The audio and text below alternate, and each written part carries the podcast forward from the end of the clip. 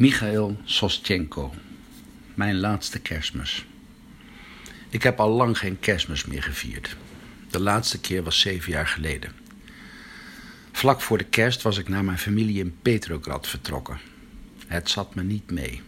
Ik moest op een of ander onbeduidend stationnetje overnachten. De trein had zo'n twaalf uur vertraging. En het was een werkelijk onbeduidend stationnetje. Er was niet eens een restauratie.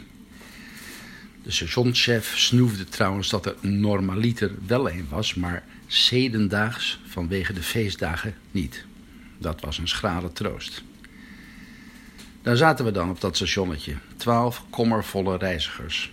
Er waren een viskoopman met een baard, twee studenten, een vrouw met een ouderwetse mouwloze mantel aan en twee koffers bij zich en ander mij onbekend volk.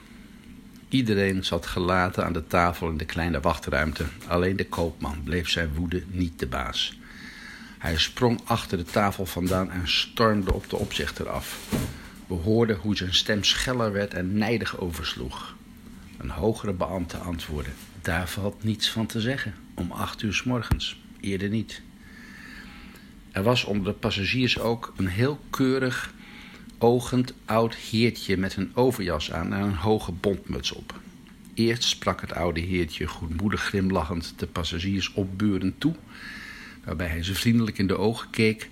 Vervolgens begon hij met een zacht blatend tenorstemmetje te neurien. Nu zijt wel komen, Jezu lieve Heer. Het moest een uiterst godvruchtig heertje zijn. Uit elk van zijn bewegingen sprak zijn goede inborst en zijn zachtmoedige aard. Onder het zingen van Nu zijt welle komen zat hij op zijn stoel te wiegen op de maat. Maar plotseling vloog hij op uit zijn stoel en liep het station uit. Even later kwam hij terug met een sparretak in zijn hand. Zo, zei het oude heertje gisdriftig, terwijl hij op de tafel afliep. Nu hebben wij ook een kerstboom, waarde heren. En hij stak de sparretak in een karaf, zachtjes neuriënd. Nu zijt welle komen, Jezu lieve Heer. Zo, waarde heren, zei het oude heertje opnieuw en hij deed een paar stappen terug van de tafel om zijn werk te bewonderen. Zo zijn we op deze feestelijke dag vanwege iemand anders zonde gedwongen hier te zitten als het schuim der aarde. De passagiers namen het bedrijvige figuurtje van de oude heer met een misnoegde, geërgerde blik op. Ja, vervolgde het oude heertje, vanwege iemand anders zonde. Rechtgelovige christenen, wij zijn het natuurlijk gewend deze feestelijke dag te midden van onze eigen vrienden en kennissen door te brengen. We zijn gewend toe te kijken hoe onze kleine kindertjes een onbeschrijfelijke verrukking om de kerstboom dansen. We geven graag toe aan onze menselijke zwakheden, waarde heren, en smullen op deze dag van een hammetje met topertjes, een paar rondjes worst, een stukje gans en een glaasje van het een of ander. Tss, zei de viskoopman met een hatelijke blik op het oude mannetje. De passagiers begonnen op hun stoelen te schuiven.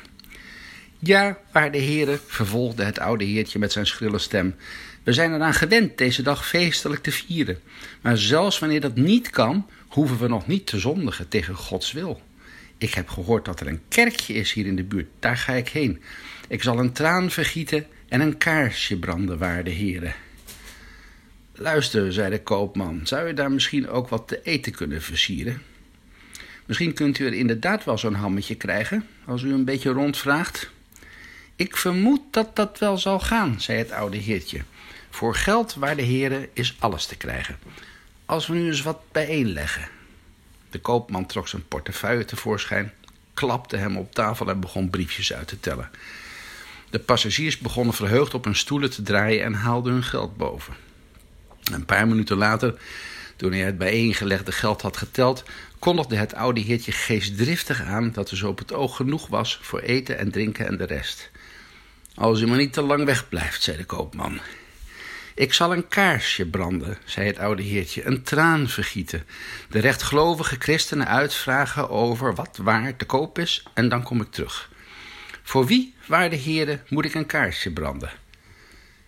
Brand u er maar één voor mij, zei de vrouw met een mouwloze mantel, en ze rommelde door haar beurs en reikte hem wat geld aan. Het oude heertje nam geen geld van haar aan. Nee, mevrouw, staat u mij toe uit mijn eigen bescheiden middelen te putten voor die christelijke daad. Voor wie nog meer? Voor mij ook, in dat geval, zei de koopman, terwijl hij zijn portefeuille wegstopte. Het oude heertje knikte en vertrok.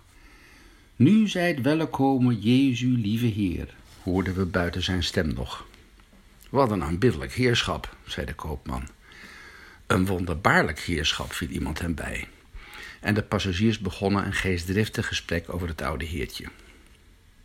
Er ging een uur voorbij, toen twee. Toen sloeg de klok vijf uur. Het oude heertje kwam niet. Om zeven uur s morgens was hij er nog steeds niet. Om half acht reed de trein voor en de passagiers stormden naar hun plaatsen. De trein zette zich in beweging. Het was nog een beetje donker.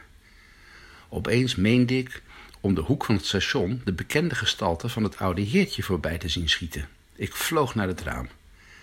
Het oude heertje was verdwenen. Ik liep het balkon op en plotseling hoorde ik luid en duidelijk het bekende blatende tenorstemmetje. Nu zijt welkom, Jezus, uw lieve Heer. Dat was mijn laatste kerstmis. Tegenwoordig sta ik enigszins sceptisch tegenover de religie.